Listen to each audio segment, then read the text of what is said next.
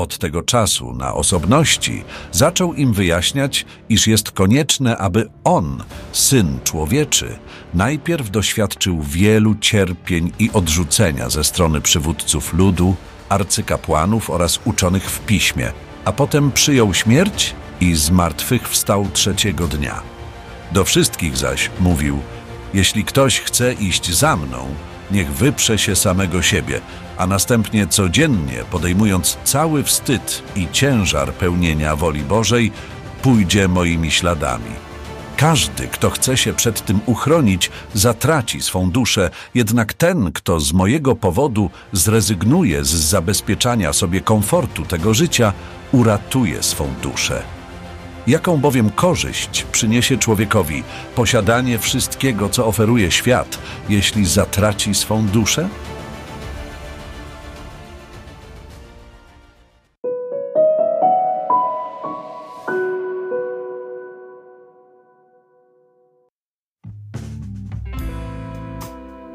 Bardzo nie lubimy myśleć i rozmawiać o cierpieniu.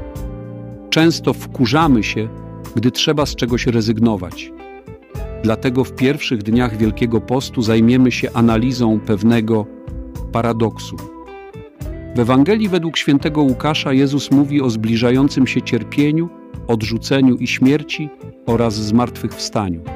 Mesjasz mówi tu o sobie, ale w różnej skali. Czy to nie jest także przepowiednia ścieżki życia dla każdego z nas? Dlaczego jesteśmy zachęcani do wypierania się samego siebie?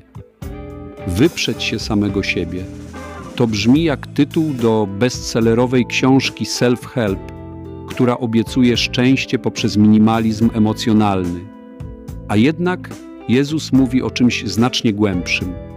To nie jest wezwanie do porzucenia wszystkiego, co posiadamy, ale do przewartościowania naszej postawy, do pielęgnowania tylko tego, co naprawdę ma znaczenie. W świecie, gdzie sukces często mierzy się dyplomami i materialnymi zdobyczami, Jezus przypomina, że prawdziwa wartość nie leży w tym, co możemy zgromadzić, ale w tym, co możemy ofiarować. Codzienne podejmowanie obowiązku i ciężaru pełnienia woli Bożej to jak codzienne zakładanie okularów, przez które widzimy świat nie w kategoriach co mogę zyskać, ale w kolorach typu co mogę dać. Czy to nie jest właśnie esencja prawdziwej wolności? Nie chodzi tu o uciekanie od odpowiedzialności, ale świadome jej przyjmowanie. Każdy, kto chce się przed tym uchronić, zatraci swą duszę. Czyż to nie przypomina nam znanej maksymy: kto nie ryzykuje, ten nie pije szampana? Tyle, że w wersji light bąbelki w napoju mają wymiar duchowy. Jezus mówi tu o największym ryzyku, jakie możemy podjąć ryzyku oddania się całkowicie w ręce Boże. To ryzyko, które paradoksalnie nie prowadzi do straty, ale do największego z możliwych zysków ratunku dla naszej duszy. Trzeba tu wspomnieć o podobnym przesłaniu zawartym w pierwszym rozdziale Księgi Hioba. Pan dał, Pan wziął, niech będzie pochwalony Pan. Hiob który stracił wszystko, co miał, w końcu odzyskał więcej niż mógł sobie wyobrazić. Jego historia to potężne przypomnienie, że prawdziwe błogosławieństwo i satysfakcja nie zależą od zewnętrznych okoliczności, ale od naszej relacji z Bogiem. Bo jeżeli Bóg z nami i w nas, to któż przeciwko nam?